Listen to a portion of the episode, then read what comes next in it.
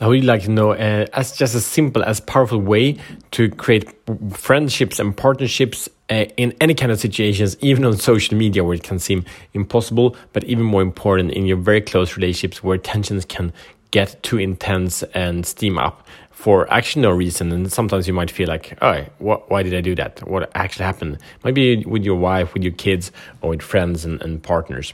Okay, so I will share with you a powerful perspective, powerful strategy, powerful tool you can use to really make a positive shift in all areas of your life. So enjoy this.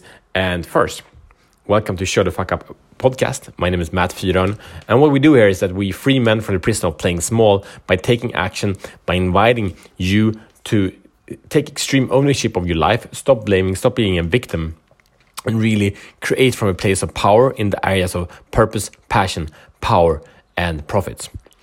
So, um, I've been in some conversations on social media, but it's seen everywhere. And, and usually, when I state an opinion, uh, when I meet people, uh, they often react in the in the context of discussion. Discussion, and discussion. What I mean with that is like I say my opinion, you say your opinion, and there are uh, opposite each other. They're different, and one tries to argue why one is right and that's it can be useful at some particular points but it rarely is because it doesn't come from a place of co-creation. It comes more from a place of pride and wants to overprove another to gain confidence or righteousness right?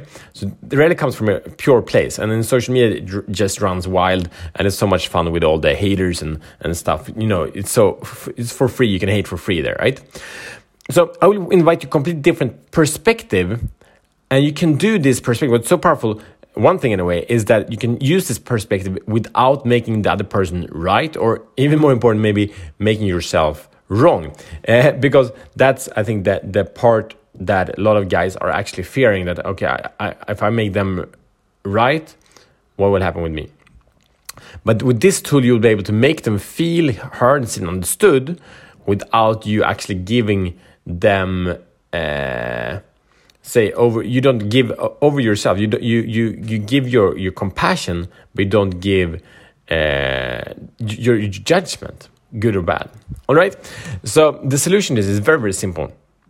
And it's uh, it's a game they invite you to. It will come in a mission but the game is to uh, challenge yourself to validate the world you live in. So there are three core principles uh, in, in, in how um, people perceive things and how they perceive themselves, how they perceive you, and how they perceive the world in general. So if you can answer these questions from for any person, you will understand and why they do act and think and, and so on as they do. Uh, so, so this game is really about even when people speak to you to reflect that back. So there's like there's a process called active listening where we're really you know inside the person we feel that we're inside we we're make an effort to feel what they feel and so on and and that's really really powerful and then instead of stating what we think we kind of restating what they think, what they said in the exact same words, and sometimes a little bit more until they say, "Yes, you got me," right?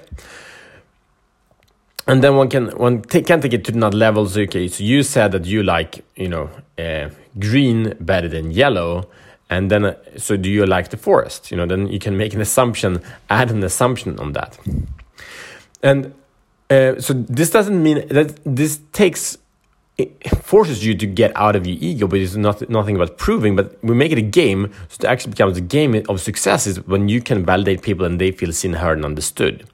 And then the result of that is that your environment will start appreciating you because they feel important. It's so powerful when when when we get validated, like you you like green. Okay, I understand that you know, we don't need to say green is your favorite color. You don't need to say you like green. Just okay, I hear you understand green. Like, do you like in, in on cars or clothes or like whatever? Just just ask this question, interesting questions, right? So people feel feel understood and relaxed, and especially women, but everyone yearns for this because we most will constantly live in this experience of something something someone is against me and have to prove I'm right. It takes huge amounts of energy. That this makes the transformation from against to together and it's just and and, and the people in your environment when you start doing that they might get shocked but like uh, I mean, um, how can I, you know, show that I'm against you? How can I prove that I'm right? But you can't show that that you don't show that wall, so they don't they they can be used to having you know the hammer to to cr- crush your wall but there's no wall there's no need to crush and this is such a even in relationship where there's a lot of conflict it's so empowering to both parties because like hey when there's no resistance i can't fight you know this is the the idea of, of gandhi and, and other great leaders in the world right if there is no resistance if there's no violence you can't just okay you don't that doesn't trigger you right so use this, see your world transform for the better. And really, this also allows you to drop into your heart in a beautiful way.